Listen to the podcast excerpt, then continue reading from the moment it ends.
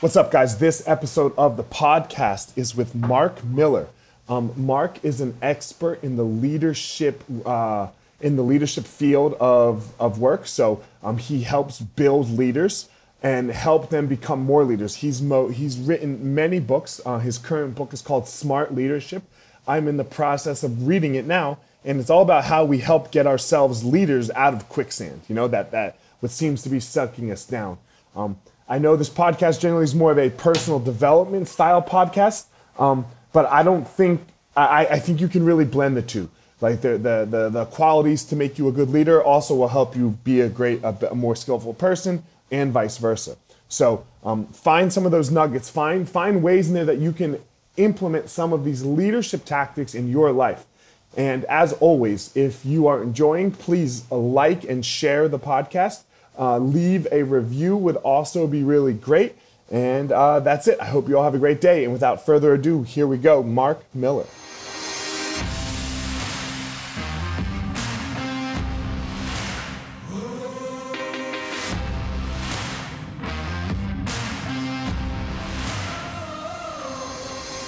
What's up, my ninjas? This is former UFC fighter Elliot Marshall, and this is the Gospel of Fire, where we are going to learn how to go into the fire so that we can find our power and live the best life possible.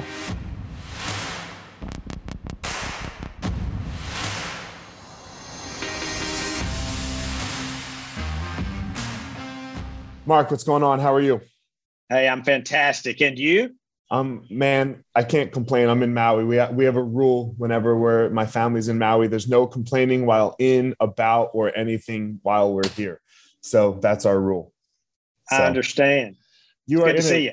You as well. You're in hot Atlanta. So uh, I, how hot? How hot? How hot is it?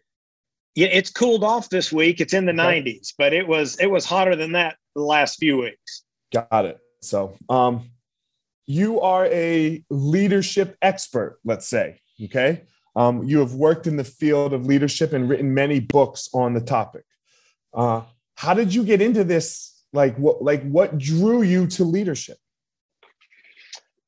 I think what drew me to the topic was the fact that everything rises and falls on leadership. And I'm part of an organization that at the time had leaders scattered all over the country. And we set about how to help them be more effective, how to help them lead at a higher level. And that was a journey I started about 25 years ago. And so it was really out of a desire to help leaders meet their current and emerging needs. And so it was a needs based mission. Okay. Nobody starts out being a leader, right? Because we all start out, you know, high school, college, maybe, right? And then working for someone in in general, right? Was that sure. your story? Was that your story as well? Yes. Uh, I started in the restaurant business as an hourly team member um, almost 45 years ago. Okay. And I was awful in the restaurant. Uh, so I quit. this, this is not career advice for people, but but I felt like it would. I disagree. My- hold on, I disagree with you. I think it is career advice. You try shit, you don't like it, you move on. Maybe, maybe it's advice, but here's what happened. I thought to myself, I don't want to get fired and have that on my resume. So I'm managing my resume as a teenager. I say, because this is not working out. So I think I'm going to quit. And so I did and um, went and got another job. And six months later, I got laid off. And I'm thinking, man, I need a job. And so I went to the corporate headquarters of Chick fil A. That was the restaurant I had worked for as an hourly okay. team member. And I walked in and I told them I wanted a job working in their warehouse because I figured I couldn't work in the restaurant, but maybe I could work at the corporate headquarters, which of course is no reflection on the other professionals at the headquarters. And so I walked in, I'd love a job in your warehouse. They told me to have a seat. And just a few minutes later, the founder of the company came out and took me into his office to conduct the interview. People are going, Well, that's crazy. That makes no sense. Well, it, it doesn't, except that 40 plus years ago, he only had 15 employees. So mm-hmm. I was mm-hmm. going to be number 16. If you've only got 15 people, the head man or the head woman is probably making those interviews, right? Mm-hmm. Making those decisions. And so he gave me a job working in the warehouse, uh, in the mailroom okay. at the headquarters. And one thing led to another. And I, I got to start stuff. I don't think it's because I had a lot of talent necessarily. It was a little bit of let the kid do it, let the kid do it, not do anything they asked me to do. I was just a teenager, sure, uh, working in this corporate environment, and I tried to bring a lot of hustle to to to my work and extra effort. And again, over time, I was given more and additional responsibilities. And six months later, I was leading a team and 43 years later, I've had a chance to do a lot of things. Do you still work for Chick fil A? I do. Okay. Can you get them to open on Sunday? Uh, no, but thank you for asking. I would. It'll I taste mean, better. It'll taste better on Monday if we're closed on Sunday. That's a great. You've been asked this question a couple of times. um, so, what was that like for you going from uh, I have a very similar story. I started as the janitor because I didn't have any money to clean the to clean the jiu-jitsu school that I now own, right? And we have, you know, we started with one and now we have seven.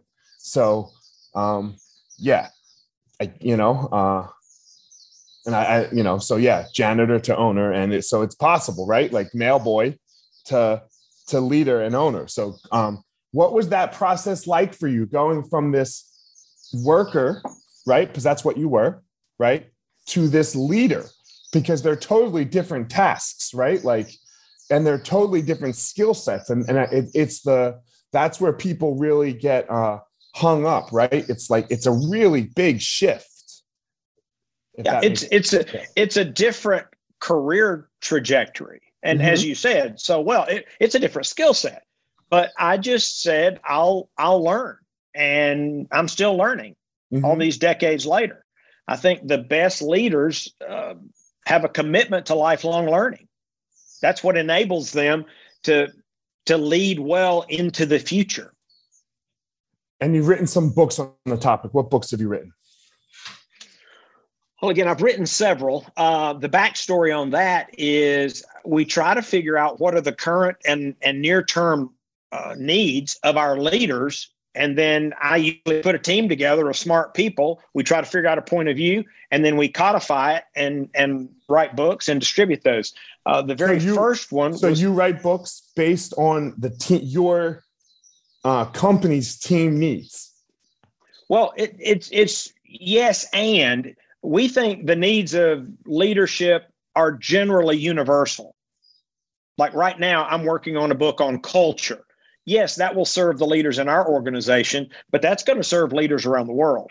Uh, sure. I think, in uh, full credit to our executive committee 25 years ago, I was approached by a guy named Ken Blanchard. I don't know if your audience will know him or not. He's the only guy who had three books on the New York Times bestseller list at one time in history. And his most famous book is The One Minute Manager. Again, 30 years ago. So Ken approached me about writing a book on the work we were doing, and, and that became the first book. It's called The Secret. But I think, in credit to our executive committee, when I went to them with this crazy idea, Ken Blanchard wants us to do a book, they said, hey, maybe it'll serve the world. And so we we did it, and none of us knew that book's now in 25 languages. Uh, not because it's necessarily a great book, but it's chock full of truth, and truth sells in any in any culture and sure. in any language. Sure. And so that first one was was about uh, the fundamentals of leadership. I've done books on teams. I've done books on engagement. I've done books on execution. Just the things that leaders work on and the things that they have to be concerned about. Um, and so again, a culture book currently. My last book was on leadership effectiveness. It came out six months ago or so, and we we we stumbled on. I, I say stumbled upon. We try to be as thoughtful and strategic as possible, but but we're just always looking, and and we stumbled upon the fact that more and more leaders appeared to be struggling. This was pre-pandemic, and we said, I think it's getting harder to lead and and so we said hey what if we could do something to help leaders be more effective and that came became the book smart leadership why do you think it's become harder to lead? I think there there are a lot of factors, uh, and that was the path we began to chase initially. Initially, is is our is our premise uh, valid, and if so, why? And we said there's complexity, there's busyness, there's distractions, and we've got a long list of things that we kind of lump together in this bucket called quicksand. And we said, nobody goes there on purpose, but once you get in it, based on all the accounts I've been able to read, I've not personally been in it.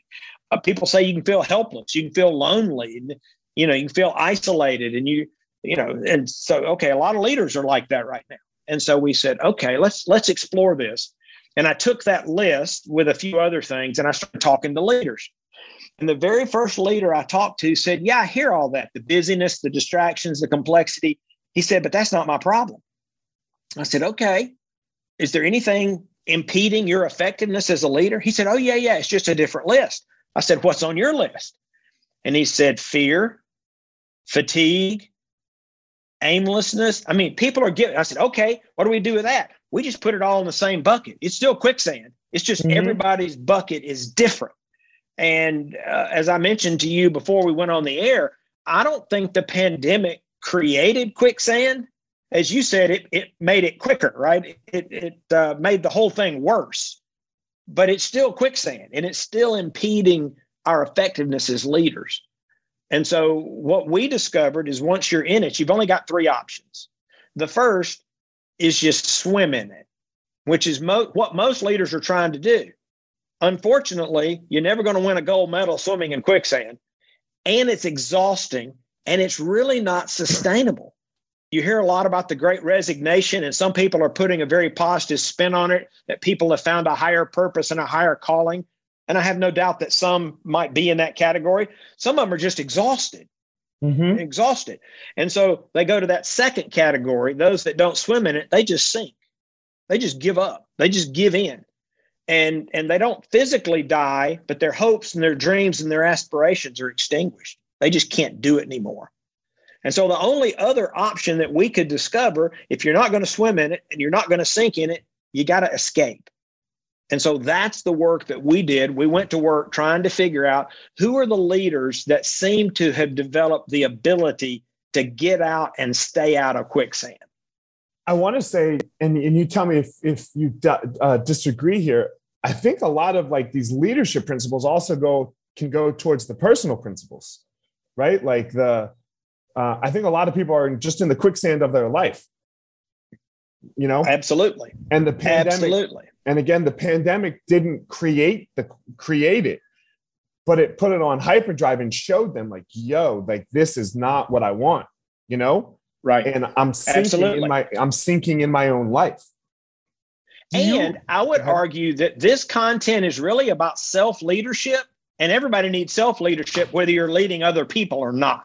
So I, I think just, we're saying the same thing. I was just about to ask you the question. Can you separate do you think you can separate uh, leadership development from personal development? I don't know that you would want to. I think leadership development is a facet of personal development. And if you're not leading people, your personal development would probably look different, right? You right. need different skills, as we referenced earlier, if you're going to lead people. But no, I just, I think uh, the most satisfied and fulfilled humans I know are those that continue to learn and grow. Oh, and those also happen to be the most effective leaders, those that keep learning and growing. I can't, I, I, I only ask you because uh, uh, you're not a 100 like you said you were offline, uh, but you are older than me. Uh, and I haven't been able to separate it yet. Like when I'm like, Elliot. Let's be a better leader. Uh, generally, when I start tying, looking at the skills or the things that I need to do, it's it has very little to do with other people and everything that I in ways that I have to grow. Yeah, you got to look in the mirror first. Okay. Now, there, you do need to, you know, be sure the people around you are the right people around you and be sure they have the right skills. But I always encourage leaders look in the mirror first. Oh, about to, I feel a sneeze coming on. Sorry. Um, oh, excuse me. Sorry. Um, what do you feel are uh, some of the things that you discovered while writing the book? How do you get out of the quicksand? Okay, I'll give it to you at a really high level, and then if, if you want to chase it, we'll chase mm-hmm, anything mm-hmm. you want to chase here. Um, well, first of all, I think the the good news is the way to get out is not contingent on skills or IQ or personality or income or disposable. None of that. It's all about your choices. It's about your choices.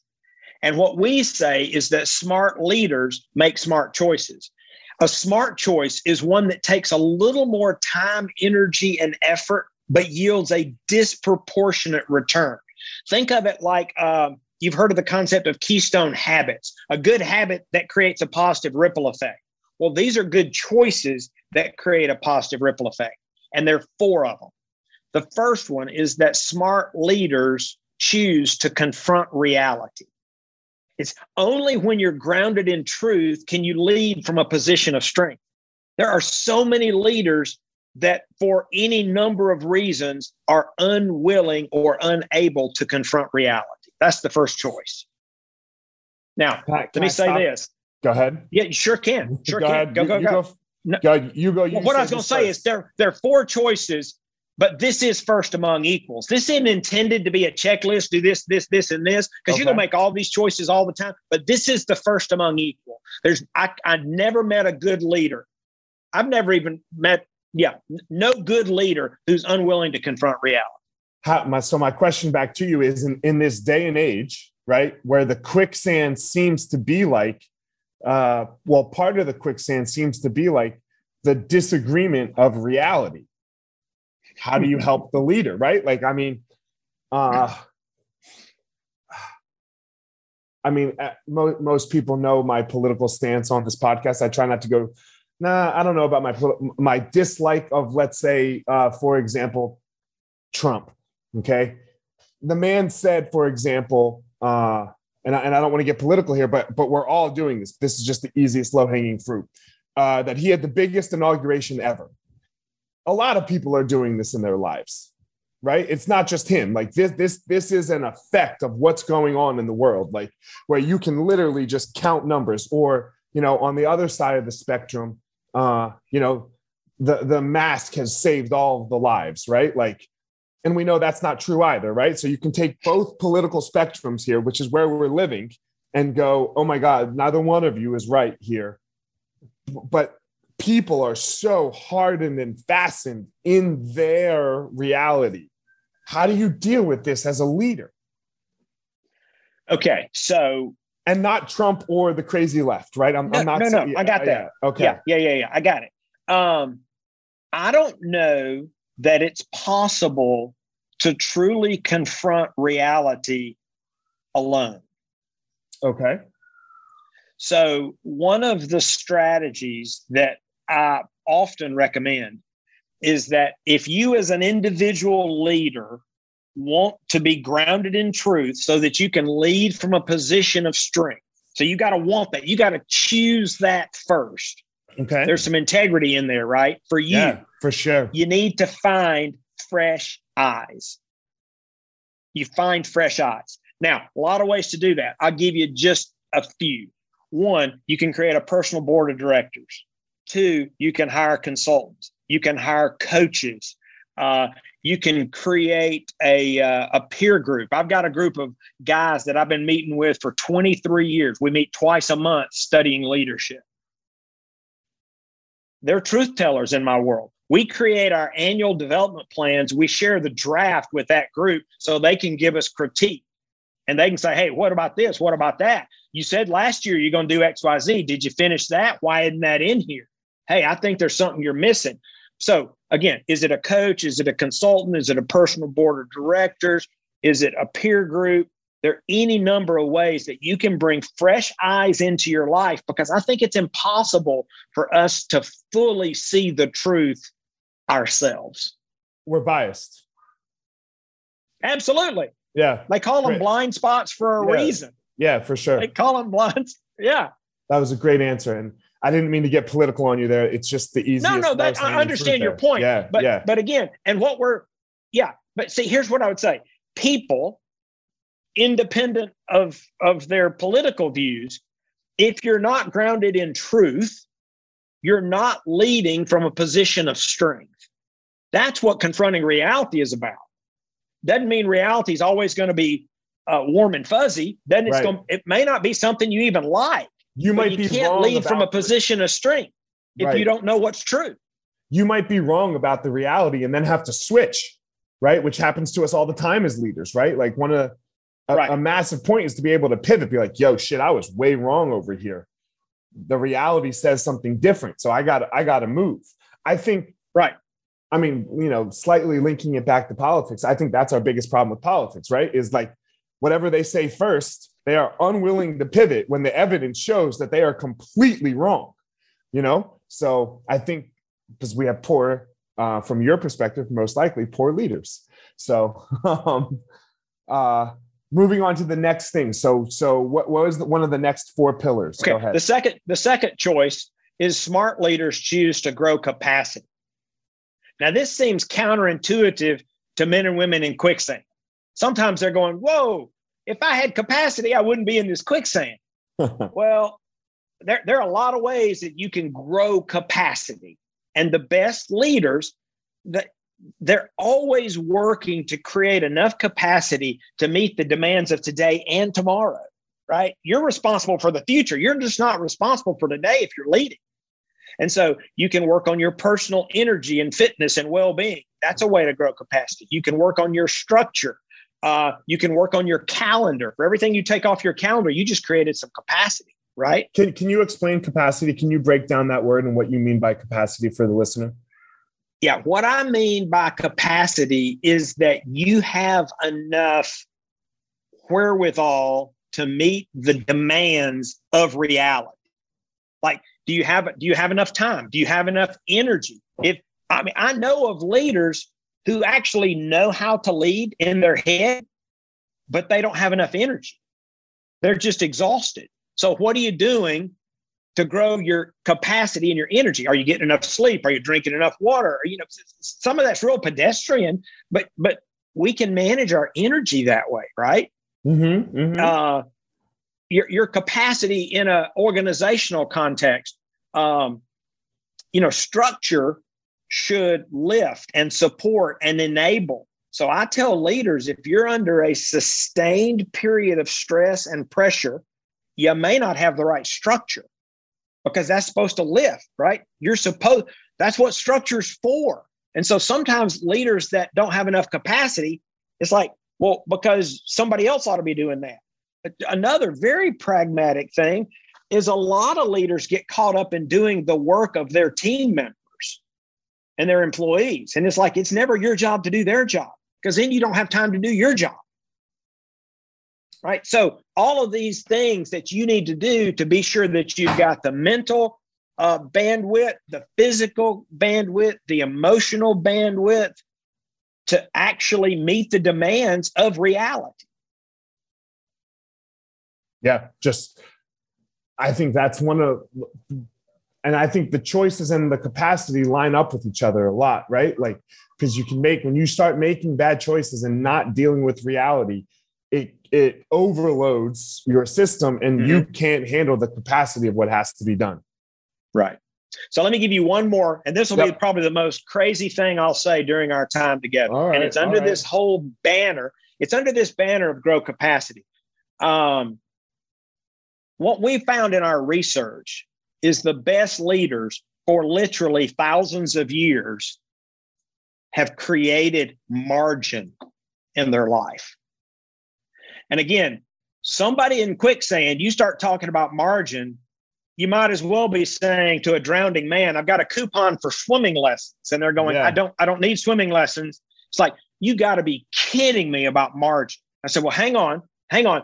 If you don't have some margin, then you won't ever figure out how to get out of the quicksand. I'm going to ask you to explain I mean, margin again. Like okay, margin in this case is. Let me let me say this. The last time I talked about this to somebody, they said, "Hey, I don't have time for a vacation," and I said, "Fine." I'm talking about margin as a leadership discipline. I said, "When do you proactively have time set aside to reflect, to assess, to think, to create, and to plan. And the guy didn't say he didn't have anything to say because he didn't have any time to reflect, to assess, to think, to create, and to plan. I said, If you're not doing that as the leader, who on your team is doing that? Oh, and by the way, it's not their job.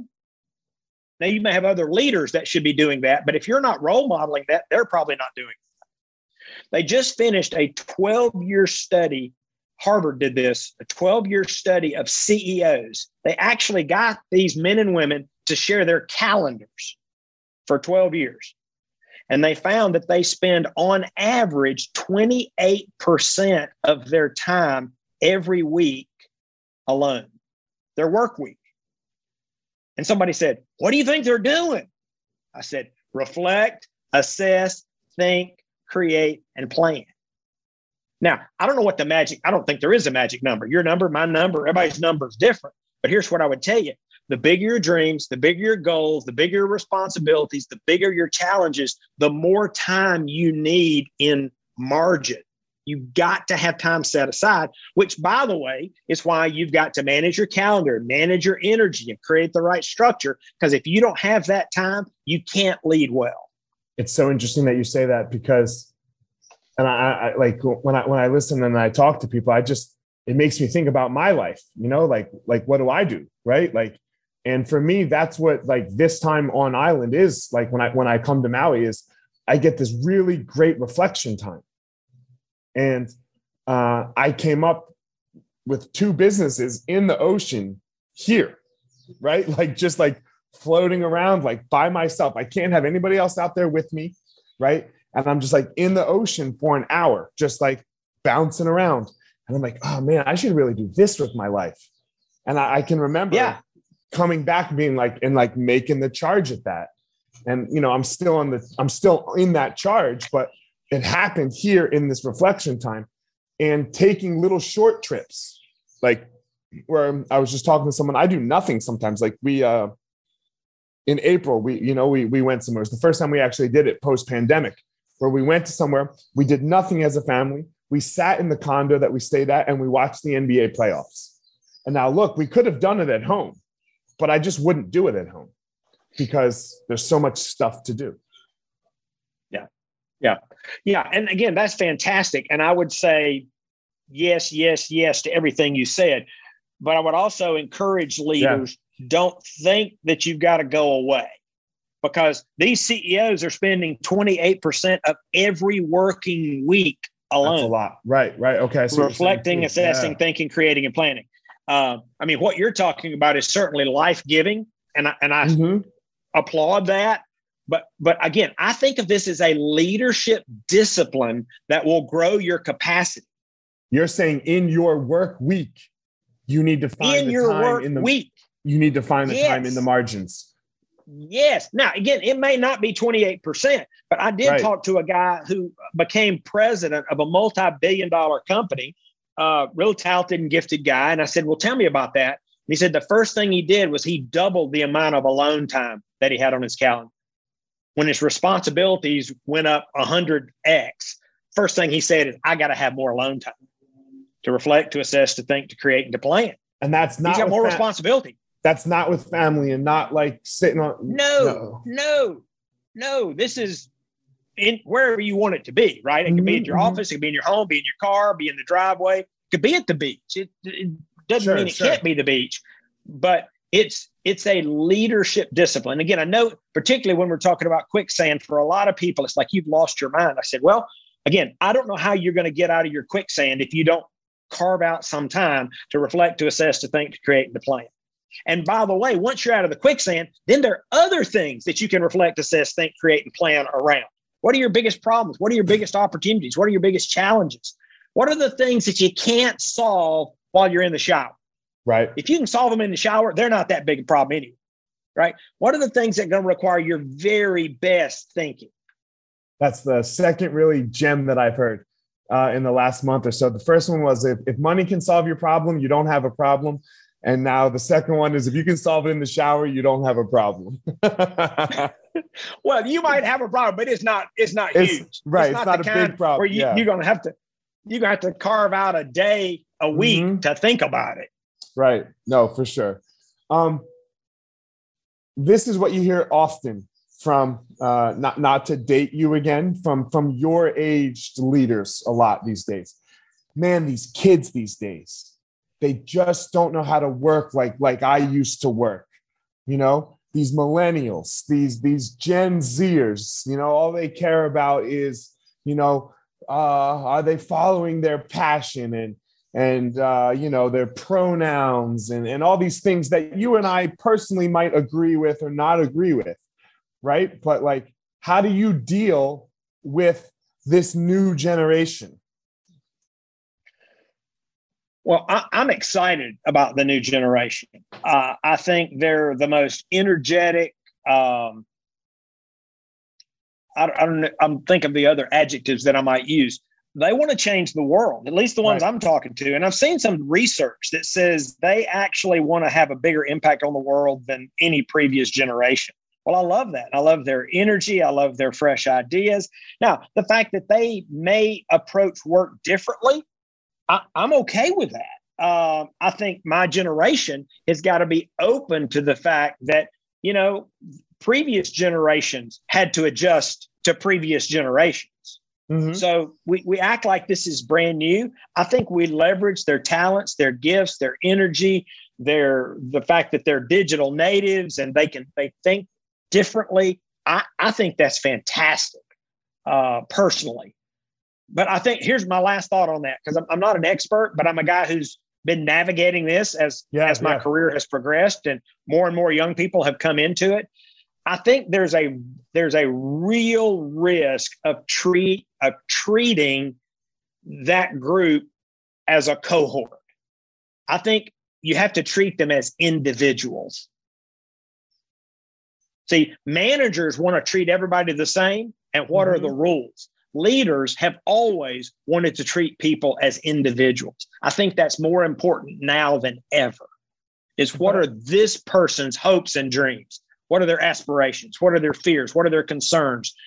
Not what does this generation believe? Right, and that's happening a lot. Right, it's it's it's uh, we're we're we're pigeonholing everyone, just like I earlier pigeonholed the left and the right both. Right, like we really like to give these pigeon. This is how this person thinks and sees it, and that might not yeah. be correct at all. And that's really hard yeah. as a and leader, even, right?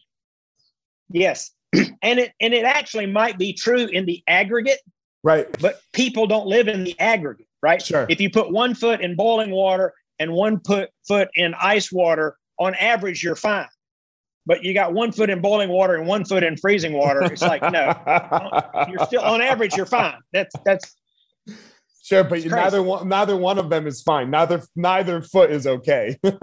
exactly. But on average, you're great. Right, right. So uh, that's a really uh, it's another gem that I'm going to steal from you. Sorry. Um, Please do. Because everyone talks about that, right? Like we have to find the, the average or the middle, and the, you're great. You're not okay. There is no middle. Right. There is no middle. Sure. Everybody's sure. unique. Everyone's unique. Which and is I, a real pain for leaders. Yeah. It's a real it's pain, just, yes. but it's part of the job if you've got eight people on your team, 10 people on your team, 100 people in your organization, a 1,000 people, they're all individuals right? And treating them as so, even though they might be categorized as, okay, these are my managers, these are my frontline workers, these are my drivers. They're not. They're not all the same. They have they're not the same. Needs. Yeah, they have different needs and different wants. Even if they're all the same age, even if they all went, you know, the same mm-hmm. level of education, they're still different. They're still different. That's a great point. And, and trying to realize that and, and, and get through that is probably one of the hardest things with leadership did we go over all four? I know we had. No, uh, real, I'll do the yeah. last two really quick. The yeah. first is confront reality. Yep. Uh, the the second is to grow capacity. The yep. third is to fuel curiosity. Fuel curiosity. Okay. People have asked me on and off for a long time: Is there a leadership fountain of youth? And what I used to say is, I hope so, because I'm looking for it myself. Well, now I say, absolutely, there is a leadership fountain of youth and it's curiosity. It's how we maintain relevance and vitality in a changing world. I, just started on TikTok, man. I might be the oldest guy out there on TikTok. Well, why am I doing that? Because there are people out there that that need some of what I might be able to help them with. right? It's, yeah. Do I want to do that? Well, I want to serve those leaders. So I'm going to go where they are. I'm not going to expect them to find me. I just started on TikTok too. See there? I'm not as far behind as I thought. Uh, I hate TikTok. I hate TikTok, man. yeah, but you're not it doing it for matter. you. I mean, yeah. if you're doing it for you, turn it off. Right. right. I'm doing it for them. Right. I'm doing it for them. Right. So, so if, if there's no other way to maintain relevance and vitality other than curiosity. And the best leaders have always been lifelong learners. And we found these men and women who get out and stay out of the quicksand, they are the curious ones.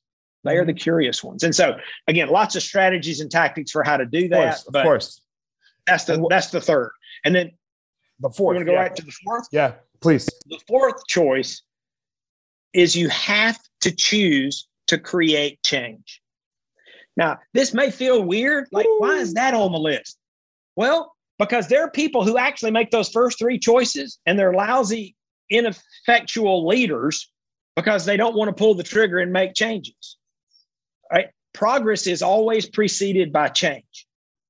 And you have to be ready, willing, and able to create change. You want to be grounded in reality and, and, and you want to have adequate capacity, and you need to have lots of ideas that you've chinned up based on your curiosity. But you have to be you have to be willing to make change. Hope is not a strategy. And if you want to be effective as a leader, you got to be willing to change stuff. And a lot of people are scared to change though, and your team gets scared to change that you're trying to lead. So how do you how do yeah. you balance the two, right? Because change could feel like, ah, man, he wants to change things. I'm going to get fired. I'm going to make less money. I'm going to blah blah blah. There's going to be somebody that's going to come take my job and do it better. So how do you how do you balance the change with the because you know for people to work well, they have to feel safe. Yeah, I I don't know. Well, I don't have an easy answer I mean, you mm-hmm. just articulated extremely well the tension. Mm-hmm. But but some leaders look at change as a burden or as an inconvenience or as a nuisance. Change is the leader's job. It, it, it's the essence of leadership. It's moving people and organizations from here to there, and progress is always preceded by change. Now, I, I, had a CEO tell me, I know I had a CEO tell me just recently, said, Well, that sounds hard. And I said, You signed up for a hard job. Uh-huh. if you don't want a hard job, you don't need to be a leader. There are a lot of jobs that are easier than being a leader. For sure. And Let everybody's me... not going to be happy all the time. You got to get comfortable with that. Yeah. Let me ask you, I mean, let me ask you this because like look when you take two leaders for example right uh, we use a software called traction okay uh, or eos right entrepreneur operating system and they have the mm-hmm. ideas I've heard of, of yep. They have the ideas of a visionary and an integrator right rather than like a ceo and a coo but like the ceo is the visionary and the coo is the integrator. These are two different types of leaders right? The ceo is very visionary forward thinking creating things. The COO, their job is to make shit happen, right? So uh, less visionary, right? More more uh, integrate, make uh, operator, make it happen, execute, uh, execute. How do you balance those two leaders' things, right? Or just like the two different types of personalities when you're being a leader, because the visionary can be a pain in the ass sometimes, right? Like yes. he's always coming up with these grand new ideas. And you have the operator, the executor over there going like, dude, we're just trying to do this, you know, like stop yeah. throwing this shit yeah. out there. So, okay. So here, a couple thoughts. I think what you described is, is real. No mm-hmm. question, mm-hmm. no debate. It's not attention to eliminate, it's attention to manage. Because if you if you stay in operating mode you'll forfeit the future. Mm-hmm. If you live in the future, you'll forfeit today. Mm-hmm. Mm-hmm. So it's a tension to be managed. And again, depending on the size of the organization, most most organizations of size, uh, of modest size, they generally build a leadership team. Right. Most of many of our restaurant operators have leadership teams because they're the structure I mentioned earlier. It helps create capacity, but it it also brings diverse opinions and perspectives to a table. There, there, the concept of synergy is at play. We can actually accomplish more together than we can individually. Mm-hmm. But it's attention to be managed. And again, everybody's not going to be happy with anything you do, right? You could, I mean, you got 100 people and you come up with 100 different things you can do. In every one of those scenarios, somebody's not going to be happy. Happiness is not really the primary goal. Right. It's just not. Now, last thought on that. Um, people generally want certainty and leaders can rarely provide certainty. What we can provide is clarity. And they'll settle for clarity. They want certainty. We want certainty. I was but, asked, but there's no certain. You, you have no certainty in your life, though. So, well, but again, people people will test you it. for it. Yeah. And as a leader, if you give it to them, you're putting your your leadership in jeopardy. I remember one time I actually, this was earlier in my career, but I'll never forget it. I had overstepped what I knew. I could have provided clarity, and I made some statements that that were in the form of certainty, and it didn't happen. It didn't come to fruition. I had a team member come to me and said, "You're a liar." All I could do was apologize. I was wrong. I overstepped. I gave you a degree of confidence. I offered you certainty that I was in no position to offer. And I apologize. And I'll work hard to rebuild your trust and to reestablish my integrity. It's like give people clarity, not certainty. Here's what you can be certain of you can be certain on your intent and the level of effort. I don't know what beyond that you can be certain of because there's so much we don't control. Mm-hmm, mm-hmm. There's so much we don't control. Man. So the change part is hard. I don't want to make it. I don't want to make it sound easy, but there are a lot of leaders that will not throw their hat in that ring and try to create change, which is it's the fourth choice for a reason. You actually have to create change if you're going to create a better future. I really liked what you said there for a second. And it goes back to the each situation is individual. It's not like as a whole. When you said, I will try to reestablish my integrity. And like when you say that, it almost sounds like you're saying that you are dis, disingenuous, right? Uh, in, in a way. But you're not as a whole. As a whole, you're you're not. But in this individual case, you were, right? And, and that can exist, right? That that can be true. So with this person, you need to reestablish integrity.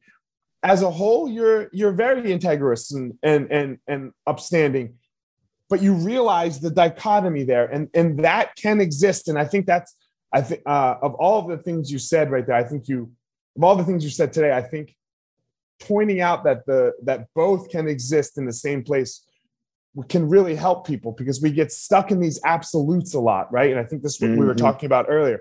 I am I have integrity. Well, yeah, for sure, but not there. And then right. that also doesn't mean that you don't have it as a whole, right? Like being being somebody with integrity means that you realize, like you know, when integrity is one of your core values, let's say, you realize that you broke it, and now you have to work to fix it. Mm-hmm. I thought that was, I thought, yep. man, Mark, I thought that was maybe the best thing you said today with, with you know, as, as you oh, know, God. well, just because everyone thinks like, oh, when you're a leader, you're perfect. You know, oh, when you're a leader, you're up on this pedestal, right? And and and sure, people put us there. And and I had a coach once tell me like, man, if somebody has you up on a pedestal, when you fall off that thing, there's only one place for you to go, and it's not off the pedestal; it's all the way down into the pit. Mm-hmm. So. Yeah. So those are the choices. We we like to say that those are a leader's superpowers. Right. It, man, that word just leads right into my next question. Uh, okay, good. I these are the only two scripted things that I ask, uh, and the first one is this: I believe everyone has a superpower, something that they go out and give to the world, and then the world then gives them back. They get so much from it. It balances our altruism and our narcissism. Uh, what do you think your superpower is? I, I think it's the ability to make choices. Okay. I actually think it's a superpower that every leader I would even say every human has that same superpower. Now, I know there are exceptions, uh, and I actually talk about this in the book. I, I, I have been to a lot of places in the world where some of the choices that you and I have, the people in in you know some of these developing countries, they don't have those choices, and I got that. But but the folks that are listening to this podcast, they may think their superpower is cooking or baking or oratory skills. Mm-hmm. And okay, yeah, yeah, yeah, yeah, yeah. But the one that's above those is their ability to make choices. Okay. Last question here. So uh, you run a very high power organization. You do big things, Chick Fil A, all kinds of stuff, right? Um, this podcast isn't really going to do much for you as far as uh, like moving the needle of any one one restaurant or your personal needle or or anything like that. Uh, why do you why do you why why'd you say yes? Why'd you come on? I think we even had to reschedule once. Uh, so why would you why would you re, why why would why waste your time? Yeah well i uh, i don't i don't see it as a waste of time uh, because i feel like i'm on the planet to encourage and equip leaders and i'm going to take every opportunity and um, I think some of the men and women listening to this podcast that maybe, hopefully, I said something today that would serve them. So it's not you, about moving my needle, it's about moving their needle. How do you say no to things then? Because you have to say no to some things. Well, I I do, and it's a it's an ongoing battle, right? I mean, I'm trying to grow my capacity, and mm-hmm. one of mm-hmm. the things that I have to guard is my calendar. But there are a lot of things that aren't actually going to serve leaders. Those are the first to go. I mean, they, they don't even make it onto the calendar generally. So that's mm-hmm. one of my filters. And then some of it is scheduling. I mean, I schedule stuff six months, nine months, a year, 18, 24 months in advance to get it on my calendar. Uh, and I'm glad we were able to reschedule this. But yeah. had we not gotten it done today, it might be six months before we could put it back in there. So it's a very full, very strategic uh, calendar. But it revolves around serving leaders. Mark, that's, thanks. For, that's why I'm here. Yeah, I appreciate it. Thanks for coming on. Tell everyone about the book that came out. I actually just started it when I went on the plane out here. So um, okay, yeah, yeah, it's just it's called Smart Leadership, and it covers uh, the choices that we reviewed today at a high level. But I think the value for folks, because I hope the choices are self-explanatory. But here's the deal: you have to activate the choices you've actually got to make good on the choices. Like uh, you're you're not going to confront reality without figuring out how to do that. So you have ideas like fresh eyes and other things. So the book's full of tactics that I, I trust would serve leaders. And then I've got an assessment, a free assessment. If somebody wants to know how am I doing in this in this mm-hmm. uh, uh, smart leadership world, all they have to do is text six six eight six six uh, they text be smart, no space, be okay. smart, 66866. It's a free download. And one thing about this particular assessment, we built it so that it gives you prescriptions on things you might try based on how you scored to help you be more effective in the future. So I offer that. My last thought some people are going to have questions. So my cell number is 678 612 8441. 678 612 8441. And I'd be happy to try and answer your questions. You're for real. You're for real. You just gave out your cell phone on a podcast that anybody could text with any bullshit. That is correct. That's for real. All right. No, no one, I've never seen anyone give out their cell phone on a podcast before. That was amazing. That might be better than the other thing you did. you you you have goat status, Mark. You just gave out your personal cell phone to people that have questions from this. That was amazing, man. Um, all right. There, there it is. So, guys, that's it. Um, Mark, thank you very much for coming on. Um, I know we it's talked a pleasure. I know we talked a lot about business leadership, but I think one of the things that we said early on on the podcast, both Mark and I agreed with you can't you can't undo the personal from the business. You know, they're they're very hard. So um, so find a nugget that can help you do you better as well. So um, as always, everyone, don't go out in the world and try to be Mark. Mark has his unique power. Don't go out in the world and try to be me. I have my unique thing that makes me do Elliot. Go out in the world, everyone, and please find your own power. All right, everyone, thanks for listening to this episode of The Gospel of Fire. If you enjoyed the episode, I'd love a review on iTunes or wherever you are listening to this podcast. Don't forget to follow me on social media at Fire Marshal 205 if you are a BJJ enthusiast, check out my YouTube channel. I put all kinds of instructional DVD uh, videos out on there, so go check it out. My book is still out on Amazon by the same name as the podcast, The Gospel of Fire. So if you are interested, go check out that. And most importantly, guys, go out there every day, find your power. Thanks a lot. Guys, look, I get it. I totally get it. You opened a martial arts school and man, it's kind of crushing you. There's all this other stuff to do other than teach, right? You love teaching. You love jujitsu. You love Muay Thai. You love karate. Whatever it is you're you're teaching. And man, but there's all this other stuff. There's there's the front desk. There's there's taxes. There's curriculum. There's cleaning. There's there's problems, staffing, covering. Whew, man, it's so much. It's so much. Well, let me tell you, uh, we have started what's called Easton Online, and Easton Online is here to solve all of these problems for you. Easton Online is a digital academy for martial arts school owners and managers. Will help you establish or enhance your business with best practices. Most importantly, we're to help you get back to what it is that you love most teaching and doing martial arts. Okay, so for more information, guys, go to easton.online. Again, that's easton.online.